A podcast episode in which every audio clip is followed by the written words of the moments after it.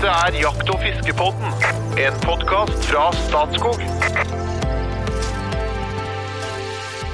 Hjertelig velkommen til en sommerspesial fra Jakt- og fiskepodden. Det er som en sommerbris med lytterspørsmål, valgets kval og hot or not. Navnet mitt er Trond Gunnar Skillingstad, til vanlig så er jeg kommunikasjonssjef i Statskog og skal lede oss gjennom podkasten med helt fantastiske medspillere. Blant annet så har jeg med meg en som har doktorgrad i rypeforvaltning, og han vet mer om sykluser og krasj i bestand og taksering og uttaksstatistikk og predatorer enn de aller fleste. Ellers så driver han stort sett med jakt, og holder alltid sine seks frysere velfylt med kjøtt som han fôrer familien Solør med. En lett eh, dieselluktende jegerkonge fra Innlandet og fagsjef i Statskog. Hjertelig velkommen, Jo Inge Bresjeberget. Hallo. Du kjenner bare eimen av diesel slår mot lytteren nå. Og i tillegg så har jeg gleden av å ha med meg mann som elsker det uforutsigbare, som stiller maksimalt halvforberedt, men har et like sylskarpt hode som en rask tunge. Ordkunstneren, bluesgitaristen, forfatteren, kokken, vinkjenneren og fluefiskeren, informasjonssjef i Norges Jegerfisk, Esme Farstad, hjertelig velkommen. Tusen takk. Og kjære lytter, hvis du hører navnet ditt og spørsmålet ditt blir brukt i podkasten her, da må du sende oss beskjed og oppgi adresse og størrelse, for da får du en av verdens mest ettertrakta T-skjorter i posten. Det finnes ikke maken. Det gjør ikke det. Nei. Og det er en del som spør kan vi få kjøpe denne T-skjorta. Nei, vet Det er hva. korrekt. Niks not! Det beste i livet kan ikke kjøpes for penger. Riktig. Er du klar for et spørsmål? Ja, men- Ja. Vi har eh, et fra Jimmy Lillbakka. Hei, jeg fisker en del i et middels stort tjern i Finnemarka. Er ingen fluefisker, men ser at det kan være lurt å få ut ei flue noen ganger. Kan dere gi meg noen tips på fluefiske med dupp? Oppheng, fluevarianter osv. På forhånd, takk.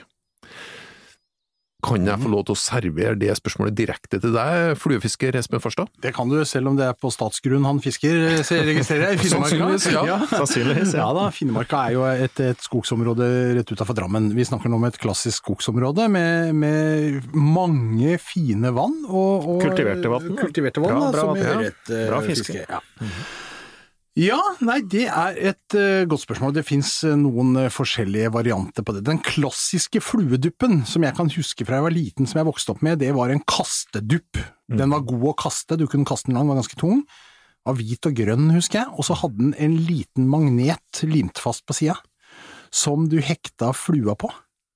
Ja. Og når du kastet, så da var det veldig fin kontroll på dette her når du skulle kaste ut, og du kunne ha ganske lang fortom mellom duppen og flua, ikke sant, for at den kveila seg pent opp og, og, og, og la seg da i en bue. Og så pælma det ut, og idet den treffer vannet, så løsna jo flua. Eh, og så hadde du frakta denne flua langt ut. For, som vi snakka om tidligere i en fluefiskeepisode, det å fiske med flue, da bruker man jo normalt fluestang med fluesnøre som kaster vekt. Her bruker man altså en dupp som kaster vekt for å få ut den der mikrolette lille fangstredskapen Ja. som en flue er. Forholdsvis tung og stor dupp. òg. Ja, det, det er det. Så den, da bruker du altså en vanlig slukstang egentlig, og, og kaster dette ut. Så har jo dette etter hvert utvikla seg veldig, og, jeg tror vi var innom det, men da vi snakket om sjøørretfiske med, med han eh, Bjørn Tore Rosareke, Ja, ja, da snakka vi om noe som het bombarda. Ja, det husker jeg. Ja, og bombarda det er en spesiallagd kastedupp for flue. Ja. Eh, som er, eh, og den er, nå er det jo blitt moderne, den er glassklar, så den synes ikke så godt. Den, er, den har en kule i enden, og så har den en lang stang bak, liksom, så, så, så, så den går jo gjennom lufta som, en, som et nydelig prosjektil. Og så er de utforma sånn at du kan få dem flytende, eller det som vi kaller intermediate, eller synkende. Dette er jo begreper fra fluefiskesnøreverden. Ja. Så enten så ligger da den bombardaen oppå og striper opp i vannet, sånn som en flue, klassisk fluedupp ville gjøre det. Eller så går den ned i vannet, på en måte forsvinner i vannet, eller kan til og med synke hvis du ønsker å få flua lenger ned i vannet. Mm. Så det, det begynner å bli eh, mange muligheter her for å fiske, og dette er jo veldig effektivt fiske. Du kaster jo, når han sier at han fisker i Finnmarka i et, et middels stort skogstjern, så vil han jo dekke mye av dette tjernet med en, en god bombarda, for du kaster dette her eh, 50-60-70 meter. ja. Ja ja, dette går langt. Og lettere å nå akkurat dit du skal. Ja. En god, hvis du er god til å kaste, da, så er det mye lettere å treffe der enn å Jeg ser at det står litt kvist og kvas rundt der, og så er det ikke alltid like lett å få fluesnøret, få, få det ut, ikke, ikke sant? sant? Med sånn stanga her, så kan du dekke og treffe mye bedre, da. Det kan på du. akkurat der du skal.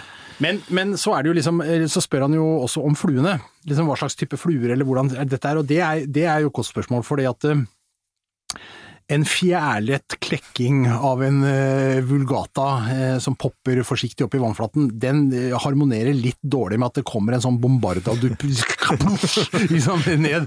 Så du må, du må jo bruke det med, med vett og forstand, ikke sant. En ting er at du skal, jeg har lyst til å si det, at man, man kan prøve å gjøre dette med litt hensyn til andre fiskere også. Altså står en der og finfisker med fluestanga, så er det ikke så veldig hyggelig at det dundrer en bombarda ned foran. Så litt sånn hensyn til hverandre der.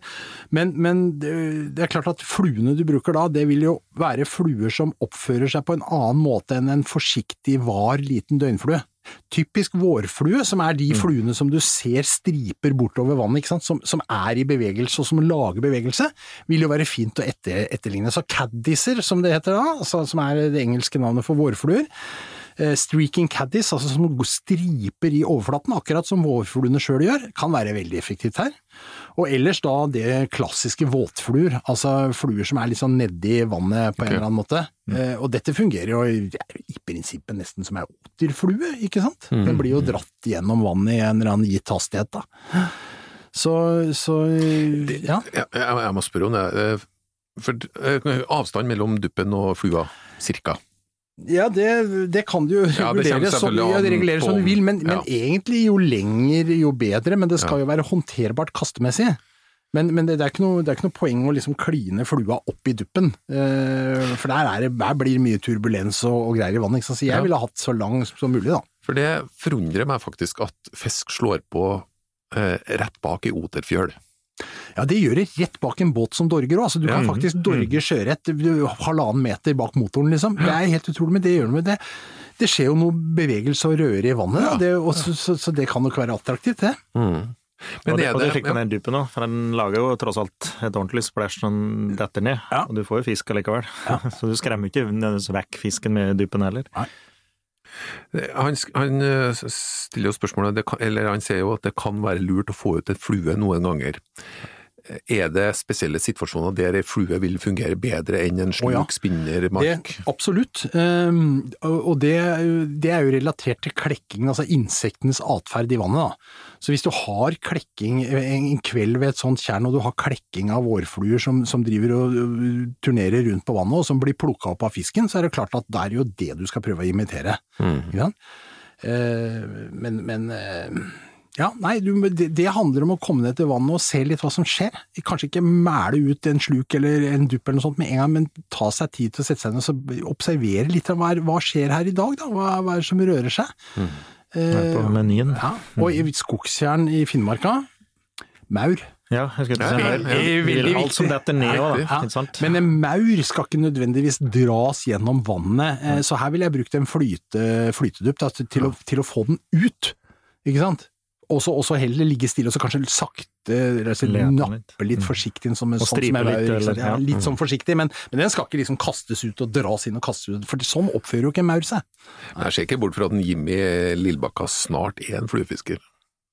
Ja, Han kan komme på kjøret her nå med, med en mellomting, og så kan den være over etter hvert. ja det, det, jo, men altså, det, er ikke noe, det er ikke noe mål i seg selv at alle skal bruke fluestang, kan gjerne fiske med bombarda, liksom. Det er like fint det, for all del, altså. Og det får du på enhver eh, sportsbutikk Ja, eller det tror jeg du får de fleste steder, eller på nettet da, ja. To kjappe spørsmål. Eh, Finnemarka. Mm. Det ja, med en Lier. Skogstjern. Hvordan fisk får den? Er det ørret, abbor? Ørretabbor. I all hovedsak. Og Spørsmål de er kultivert, så det er bra, forholdsvis Ja. bra ørret i de aller fleste vannene her. Hvor mye koster det fisk? Nei, det er jo, hvis du har dagskort, da, våre dagskort, så er det 70 kroner dagen. 70 kroner? Ja. Billig, billig. Ja, Eh, det, billig det er billigere enn halvliter. Ja, det er det. Nei, men eh, glimrende. Jeg lurer på om vi rett og slett skal gå over til spalten Valgets kval. Ja. Og nå har jeg spesialvalgt en til en Espen, så Espen skal få lov til å starte. Ja. Den her blir enkel, sjø. Ja. Alltid høre rumpa mi med DDE rett før du legger deg, eller alltid høre Ole Ivars Å nei, så tjukk du er blitt, akkurat når du står opp.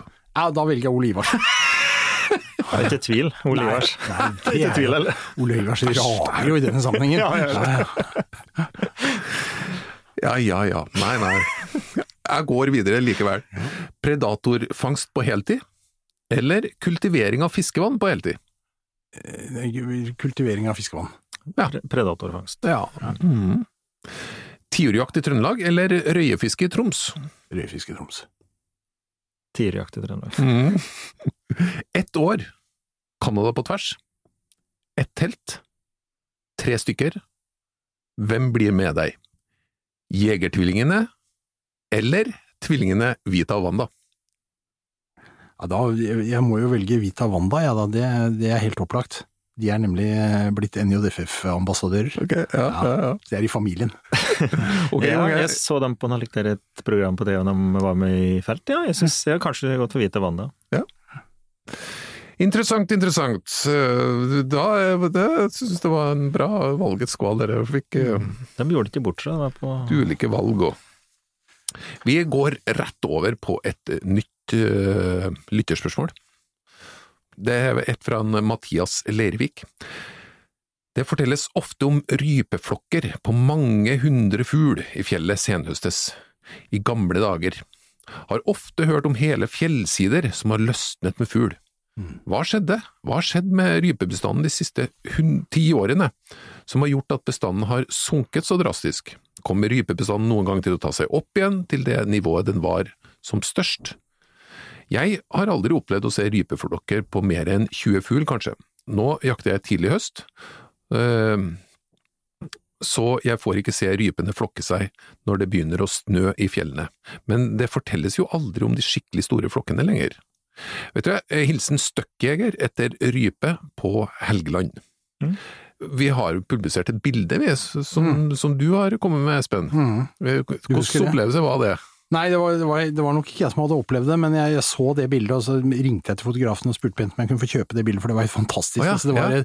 det, var, det var et bilde fra Troms, fra en eller annen øy ute i Troms, eh, hvor, hvor du ser en rypejeger som kommer over kanten i horisonten, eh, og det er litt sånn snødekt mark, liksom, og så ser du det, men når du begynner å se nærmere etter, så er det jo ikke snødekt mark. Det er hvite ryper.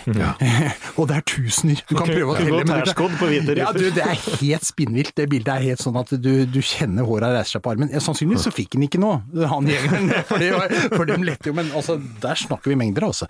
Så, så det, og det er ikke så gammelt det bildet, så det fins enda. Eh, sånne situasjoner. Eh, Men jo, Jo Inge må jo svare på dette, det er jo ikke jeg som skal svare på det. Ja, jeg føler vel at rypedoktoren eh, kommer inn med stor pondus her nå.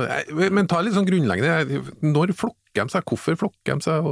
Ja. Nei, ja. eh, Herfra og Åken, ja. De, altså, de flokker seg, det er jo langt på vei Altså, det at de samler seg og er i flokker, og har, det er mange øyne som oppdager predatorer. Og så er det jo læring, altså hvor er de beste beiteområdene eh, Mm. på gitt tid. Og det, det er jo seinhøstes og utover de flokker seg i all hovedsak, da. Både lirypa og fjellrypa? Ja, og det kan Ja. være blandingsflokker òg. Ja. Så, så på vinterområder så er de da ofte i flokk. Og det, kan, eh, og det observeres fortsatt eh, flokker på 1000 ryper, for eksempel. Ja. Ja, ja. Så og det kan være store ansamlinger. Det kan være ryper som kommer fra Sverige òg, over grensa, eksempel. Det er rapportert. Så at eh, det er jo en, det er en atferd de har, da. Ikke sant. Mhm. Eh, all hovedsak for å se flere øyne som ser, men òg læring i det. Ungfugler blander seg med voksenfugl, lærer hen de der vinterområder. Og hen det beste. De går inn i et sparebluss, går inn i en eh, merk årstid, eh, knapphet eller maten, maten er jo det, da, men det er jo knapphet på ressurser. Mm. Så liksom om å gjøre å klare seg og overleve, da. Det med overlevelsesmodus.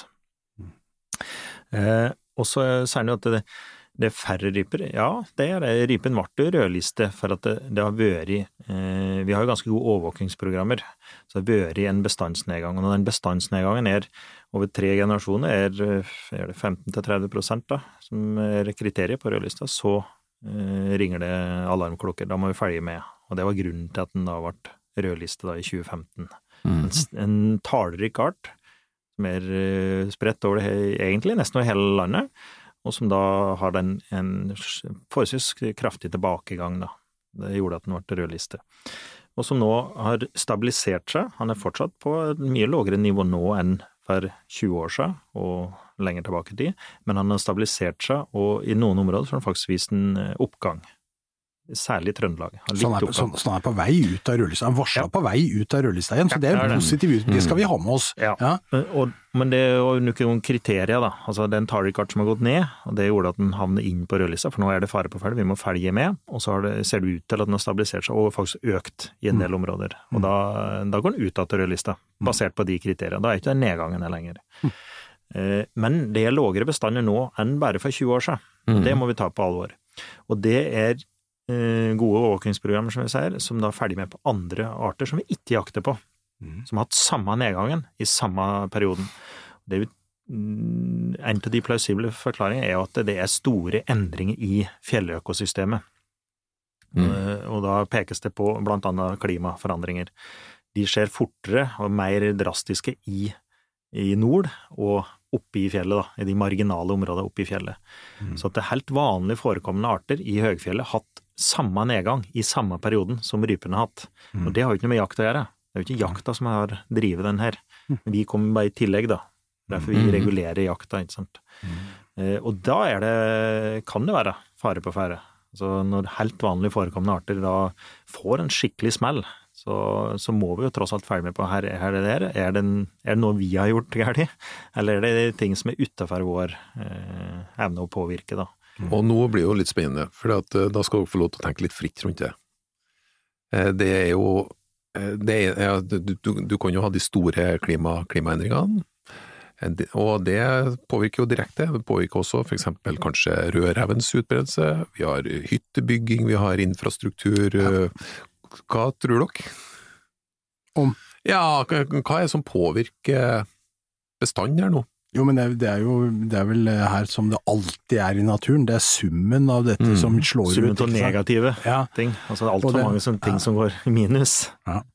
Og det, det, det, når du står i kanten av et nytt uh, hyttefelt i, i, i liksom uh, randsonen opp mot uh, Snaufjellet, ikke sant, i- og det er totalt nedbygd av, av nye sånn lottomillionærhytter med asfalterte sykkelveier innover i fjellet, ikke sant, så det er klart det er ikke særlig forenlig med en god rypebiotop. Nei, men det, er faktisk lite prat om det. Vi har jo bygd ned nå til det aller beste rype- rypebiotopet våre. Da. Ja. At det da blir mindre rype i sum til slutt, og det er en konsekvens. Det kan jo ikke komme overraskende på, i utgangspunktet på noen. Nei. Så vi, akkurat der syns vi burde skjemmes. Eller villrein, for den del. Vi bygger òg ned langt inn i villreinfjellet. Det, er ikke- det er ikke optimalt, altså. Men, Nei da, men, men det, det, jeg syns det er interessant å se nå. Nå har vi jo Vi, vi veit at vi har en stor utfordring i vår tid, og det er klimautfordringen. Sant? Det er vi, nå er vi enige om det, og vi slak, snakker om ulike mål som vi skal nå, hvordan og debatten går. Men vi har også, det er i ferd med å etablere seg også en forståelse for at det finnes en annen stor utfordring òg, det er nedbygging av natur. ja. Og det betyr at vi må, vi må i større grad ta det inn over oss, ikke sant. Og det som skjer er jo det som vi kaller en bit for bit-nedbygging, ikke sant. En hytte En her, ei vindmølle der, eller hva det er, ikke sant. Så summen av dette, veier, ja det er all type infrastruktur som vi mennesker bedriver, ikke sant. Det er jo negativt inn i naturen. Så vi må, vi må nok eh, bare belage oss på at vi, at vi skjerper oss på dette området, at vi verdsetter natur i større grad, at vi må kompensere der vi går inn og gjør inngrep, så må vi på en måte finne kompenserende tiltak andre steder, osv. osv. Eller ikke gjøre inngrepet, da. Det Ja, selvfølgelig. selvfølgelig. Ja, Ja, ja, Mm. Men, men, men eh, du veit at eh, altså, velstanden blir vår byrde til slutt. Det er sånn det er her. Ja, For, det er for per, sånn. per i dag så er faktisk en nedbygging og tap av habitat er enn så lenge en større trussel enn klima. Altså Klima kommer for full musikk, men per i dag så er nedbygging og tap av habitat enda verre. Men det er jo interessant det du sier at eh, vi har hatt den samme utviklinga på arter som ikke blir jakta på. Mm. Eh, samtidig som vi regulerer jakta på rype. Det er altså veldig finmaska, vil jeg si. Mhm. Eh, og det er vel for å unngå at en allerede pressa bestand kan i enkelte områder bli for hardt pressa av jakt. Ja. Da kan det skje noe. Og særlig i de åra der de sliter, da. der Ja. du har låg produksjon, der du ikke er eh, eller lite overskudd. Ja. Så det, da må vi regulere den faktoren vi faktisk klarer å påvirke, og det er jegeren. Og det er jegere bevisst på. Ja. Det, Men Mathias Levik, vi skal avslutte med det gledelige. Rypa er på tur ut av rødlista. Det, vi har, nå har vi en positiv utvikling. Vi har en stadig bedre forvaltning, og vi har en stadig, stadig bedre erkjennelse av årsakene til svingningene i naturen. Som ikke nødvendigvis ligger på jakt. Nei. De store årsakene eh, ligger sannsynligvis utafor. Eh, Mathias, send oss eh, din adresse og anslått størrelse på en normal T-skjorte. Den er normal, men den er særdeles ettertrakta, med en eh, gammeltiur på brystet. Jakt- og fiskebåten sin egen T-skjorte. Eh, før vi går ned for landing med Hot or not, så skal jeg bare oppfordre dere til å se på Facebook og Instagram. Der kommer det litt bilder og konkurranser og muligheter. Du kan også gi oss en anmeldelse på Apple Podkast, hvis du er en av dem som bruker det. Nå skal vi ta en hot or not før vi fader helt ut. Espen, mm. du skal få lov til å starte. Fint. Ja, vi kjører litt sånn te temaaktig denne, denne gangen. Traktekaffe, hot or not? Hot. Hot. Frysetørra Nescafé, hot or not? Not. Not. Espresso, hot or not? Uh, hot. Not. Kaffe med suketter, hot or not? Not. På tur hot. Mm. Kaffe med melk, hot or not? Er hot. Hot. Dere sniker dere meg. Sykkelrittet Grand Fondo Strade Statskog, hot or not? Not. Hot. Bra, Jo Inge, det er helt riktig. 5G-nett fra kinesiske Huawei, hot or not? Hot. Ah, not. Mobiltelefoner fra Huawei, hot or not? Hot. Ja, vi må si det. Ok, da eh, Namsos-artisten Åge Aleksandersens album Ramp, låta Som ei skute med ei avbrekt mast, hot or not? Så går vi med en landing med ordentlig krasj. Not, not, not. Er det liksom på glid. Ja. Hot, hot, hot. Et rungende hot i studio! Takk for følget, og hjertelig velkommen tilbake neste fredag!